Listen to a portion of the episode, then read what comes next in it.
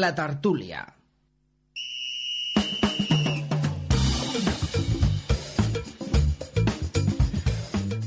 Queden pocs dies per Sant Jordi. De fet, alguns de vosaltres ens estareu escoltant quan el gran dia hi hagi passat. Nosaltres cada setmana parlem de mitjans de comunicació i, com dèiem a l'inici del programa, avui el centrarem en el món dels llibres. Oi, Pol Garcia?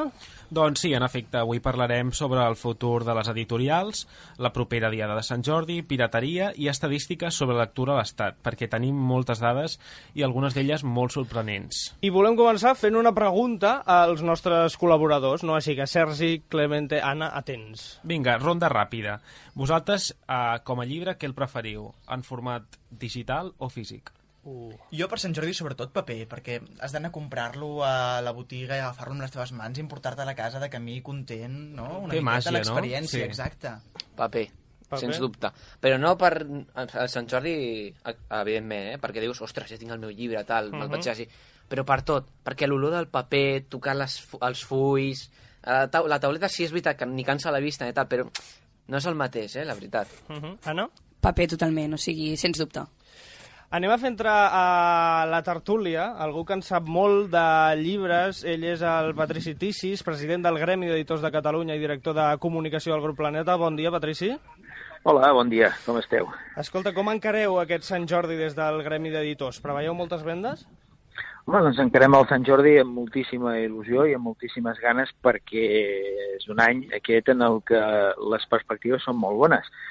Pensem que els Sant Jordis normalment quan cauen un dia entre setmana acostumen a ser molt i molt bons uh -huh. i si a més a més li afegim que és un dilluns i per tant que podem venir d'un divendres, dissabte i d'un diumenge en el que a la ciutat de Barcelona les llibreries també tindran obert, doncs home, creiem que aquest que pot ser fins i tot un Sant Jordi de tres dies que pot, eh, que, que pot animar moltíssim a la gent i sobretot a fer una cosa que és el que més ens agrada fer a tots els que ens agrada anar a comprar llibres, que és a remenar, triar i buscar aquell exemplar que mira per on sembla que ens està cridant i que no anàvem amb la intenció de comprar-lo. Mhm. Amb la qual cosa, si tens tres dies, doncs pots, pots passejar-te tranquil·lament, que hi ha vegades el mateix dia de Sant Jordi doncs és més la festa i el passeig que la possibilitat de, de triar i remenar tranquil·lament. Hi ha qui diu que el llibre de paper desapareixerà, però les dades sobre els llibres digitals no apunten a un creixement gaire pronunciat sobre aquest format. El 2015 el llibre digital venut només representava el 5% i avui dia la majoria d'espanyols prefereix eh, el llibre en paper. Com ha quedat demostrat ara aquí abans de començar l'entrevista? Sí, Sí, uh, m'ha fet... Sí, no, Digues, digueu. digues, perdó, digues. perdó, perdó, no, no, no, no, us deia que, que m'ha fet eh, molta gràcia sentir aquesta primera enquesta que has fet Mhm. així molt, molt improvisada, però realment reflecteix el que està passant en la, en la societat, eh? pràcticament. Doncs jo diria que clar, aquí hem de diferenciar dues coses, no? Una, el que diuen, diguéssim, les informacions del que és pròpiament tot aquell llibre que passa per caixa, diguéssim, eh? aquell llibre que es compra, i quan hi afegim el factor de la pirateria, que aquest és un dels mals que tenim en aquest país, que, que som segurament un dels països més pirates del món, sigui per cultura o pel que sigui, no? Però el que està passant és que, en realitat, el consum, diguéssim, el, el, que, el consum de llibre digital sobre el llibre en paper estaria al voltant del 25%, més o menys, eh? segons ens diuen les enquestes, que igualment igual eh, les veureu reflectides en aquestes que comentaves tu de- d'hàbits de lectura, no? Però en canvi, en canvi, realment els que, els que són conscients i diuen, home, aquí hi ha una feina darrere, s'ha de remunerar un escriptor, s'ha de remunerar una, una xarxa comercial, s'ha de remunerar una distribució, tot això mm, només, només és el 5% o el 6% el que realment es, es, es, es, eh, es materialitza, diguéssim, es compra, no? Mhm. La qual cosa vol dir que hi ha més gairebé un 20%, són gairebé uns, eh, uns 200 milions d'euros al final, al cap de l'any, que eh, no desapareixen del, del, del sistema econòmic, és a dir, deixen, deixen d'ingressar-se com a conseqüència de la gent que està piratejant i, i, i fa una, una compra irresponsable del, del llibre, no? Uh -huh.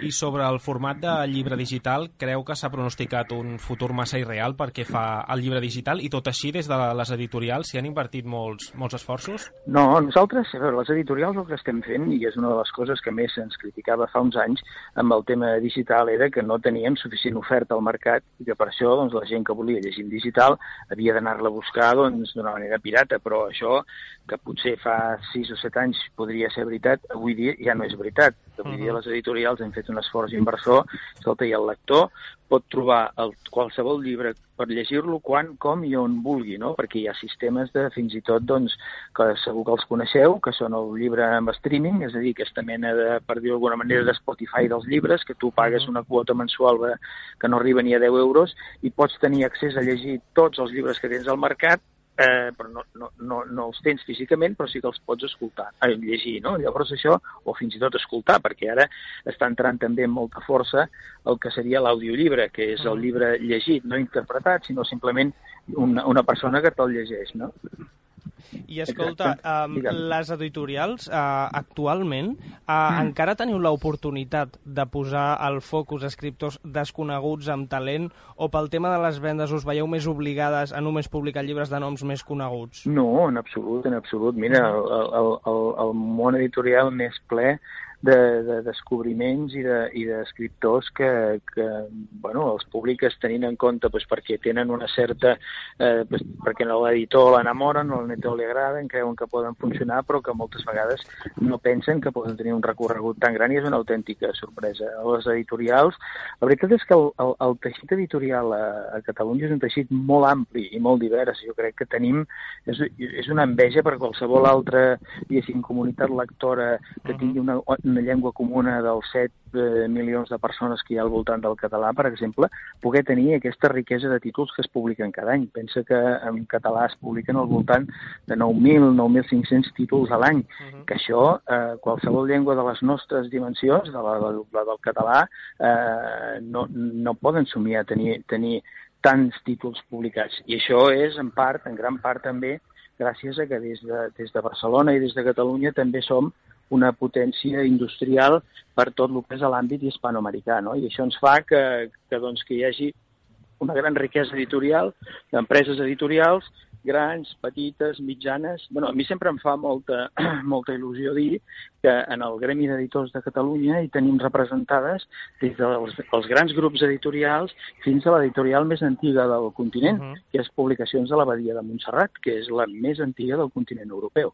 amb la qual cosa doncs, eh, vol dir expressa una mica una riquesa, una tradició i, i, i, una, i, una, i una gran creativitat, perquè, a més a més, eh, a Barcelona concretament i a Catalunya també hi ha una gran creativitat intel·lectual del món, diguéssim, dels escriptors, no? i tot això fa que aquesta indústria sigui floreixent i no en va. Per exemple, Barcelona sigui la una, una de les ciutats literàries de la, de la UNESCO, amb la qual cosa, doncs, aquest Sant Jordi ens ha d'acabar també de... Bueno, ens ha d'acabar, ens ajuda i ens referma amb el, amb el, amb el, amb el que és eh, una mica la ciutat de la capital literària de Barcelona, el que és el llibre i el que representa per tots els lectors. Penseu, per exemple, que en un sol dia, en un sol dia es venen un milió, una mica més d'un milió i mig de llibres eh, cada any. I això és, això és una xifra extraordinària. Es mouen gairebé 20 milions d'euros de, en, en, en, en venda de llibres. Escolta, això, anem, no... anem a parlar d'un tema que us preocupa mm. molt a les, a les editorials eh, pel, que hem, pel que hem entès. Eh, mm. Pol, anem a parlar de la propietat intel·lectual. Expliquem abans mm. què és. Doncs sí, la propietat intel·lectual és un tipus de propietat que pertany a l'autor pel sol fet mm. de la creació original d'una obra literària, artística o científica i que li confereix drets personals i patrimonials, plena disposició i el dret exclusiu a l'explotació. Hem llegit una entrevista del 2015 en què deies, Patrici, que un dels teus objectius era combatre d'una manera real la pirateria. Creus que s'ha avançat en aquest aspecte? Exigiu més mesures al govern espanyol perquè faci complir més la llei? Mira, les, les, es, és un, aquest és un recorregut que és llarg, per lo que estem veient, perquè mira, el 2015 ens faltaven instruments legals uh -huh. i, eh, i els vam aconseguir fent, fent, diguéssim, pressió prop de les administracions, en els, en els parlaments diversos, sobretot aquí és el Parlament de l'Estat espanyol el que té la, la, la facultat de legislar sobre aquesta matèria i vam, vam aconseguir entre tots plegats que almenys fessin una legislació que fos clarament, clarament diferenciada respecte a, a, a, que, a que no es poguessin, a que els actes de pirateria doncs, es poguessin condemnar. Què, què ha passat? Que tenim una, una legislació que, que, que compleix els mínims, el que passa és que la seva aplicació sempre és, és lenta, no hi, no hi ha els mitjans, l'Estat no hi ha posat els mitjans necessaris per poder-la posar en marxa i el que ens trobem és que, efectivament, tu pots denunciar i pots dir, doncs mira, hi ha, hi ha una sèrie d'obres que estan, que, estan, que estan al mercat de, de forma, diguéssim, il·legal, que són pirates, la justícia actua, però quan condemna a, a qui ha estat el que ha, ha posat aquestes obres a disposició, han passat 3 o 4 anys, quan segurament aquelles novetats editorials ja ni, exist, ja no són tan, tan rellevants en el mercat. No? Vam, vam intentar, i es va aconseguir, que hi hagués un sistema que, de, de penalització administrativa que fos molt àgil i molt ràpid. Això, la norma existeix, la llei existeix per poder-ho aplicar, el que passa que no s'aplica perquè el govern no hi ha posat els recursos humans i tècnics perquè això es pugui aplicar. Llavors, una vegada es pensa que no sé si és la voluntat política la que falta, que segur per, perquè això pogués, pogués ser una cosa sèria. A França, països del nostre entorn com França que protegeixen a la cultura, que és, és, és un país en el que no ens costaria gaire emmirallar-nos perquè està al costat nostre i és una de les, de les potències més importants de la Unió Europea, com som nosaltres, que estem entre les quatre primeres, no ens costaria ben poc, ens costaria ben poc fer coses com fan ells que tenen tan clar la protecció cap a la propietat intel·lectual que efectivament doncs, la pirateria és, és molt petita i la, i la gent que, i, i Alemanya exactament igual i el que el que consumeix productes il·legals de manera pirata des de la xarxa, mm. doncs és que li, li, li cau, diguéssim, li cau el pèl parlant en plata, eh? És a dir, o li, o, o li redueixen el consum d'internet, per exemple, la velocitat, si és la primera vegada, la segona vegada ja la pena és, és més gran i fins i tot et poden arribar a tallar el subministre, diguéssim, de la, de, de la xarxa. I això, això en realitat aquí encara encara estem molt lluny d'aquests plantejaments. Doncs eh, anem a parlar d'un altre tema, eh, que és eh, l'índex de lectura. Eh, si els catalans som lectors, bueno, en general els espanyols som lectors o no ho som. Eh, Pol, tenim algunes dades, no? Sí, segons dades del 2017, un 35% dels espanyols no llegeixen mai. I del 65% que sí que ho fa, es fa malament. És a dir, en molts casos falta una lectura relaxada i atenta. Curiosament, i en contra del que sempre es pot pensar, els joves són els que més llegeixen, concretament els, els de menys de 25 anys. Es pot pot lluitar per fer créixer el percentatge de lectors? Jo crec que sí, jo crec que estem en un moment en el que, en el que la societat cada vegada ho entén més, això. És a dir, eh, amb aquestes dades, si ens les mirem una mica amb, amb més detall i poséssim una mica més al focus, veuríem que d'aquests joves que dius tu que llegeixen menys, hi ha una primera franja d'edat que és fins als 12, que llegeixen molt. Uh -huh. Per què? Perquè van a l'escola, perquè l'escola els incentiva, perquè cada vegada més l'escola ensenya a llegir eh, per divertir-te, no, no, no per obligació, Clar. i això és un canvi que les escoles s'ha d'anar fent a poc a poc, cada cop hi ha més experiències en aquest sentit, i per tant fa que la lectura sigui un plaer i no una obligació escolar. I el moment en què l'alumne descobreix això i veu que a través de la lectura aprèn coses, doncs, eh, doncs l'incentiva a seguir llegint. Però hi ha un moment a la vida de tots plegats doncs, de que, sobretot quan un es, eh, passa de ser un nen a ser un adolescent, doncs a aquella edat els interessos doncs, segurament d'aquest noi són, són uns altres i no passen només per la lectura, amb la qual cosa hi ha molta gent que no està habituada, que no ho ha entès o que no, no ha fet l'aprenentatge eh, com altres i cau el nivell de lectura d'una manera bastant forta, eh? molt, molt acusada. I llavors, a partir de, dels 18-19 comença a recuperar una mica més i aquí tenim una franja que si es treballés bé a les escoles jo crec que podríem, podríem aconseguir-ho. Però és que hi ha, una, hi ha dos o tres coses que m'agradaria comentar aquí que, que són com veritats que es donen per, per, per sentades de que són així, i en realitat, quan tu poses a mirar, no ho són, perquè, per exemple, quan sents a dir que el llibre és car, no? no, és que un llibre és molt car, uh -huh. 20 euros, un llibre de paper estic parlant, 20 euros són, és molt car, diu, però escolta'm una cosa, estàs disfrutant de la lectura durant 20 hores amb un llibre. 20 hores, si et costa 20 euros, és un euro a l'hora. Vas, vés a qualsevol altre espectacle cultural que et durarà una hora i mitja o dues i et costa, bueno, et surt l'hora eh, tres o quatre vegades més que, que, que, que això que estem dient, no?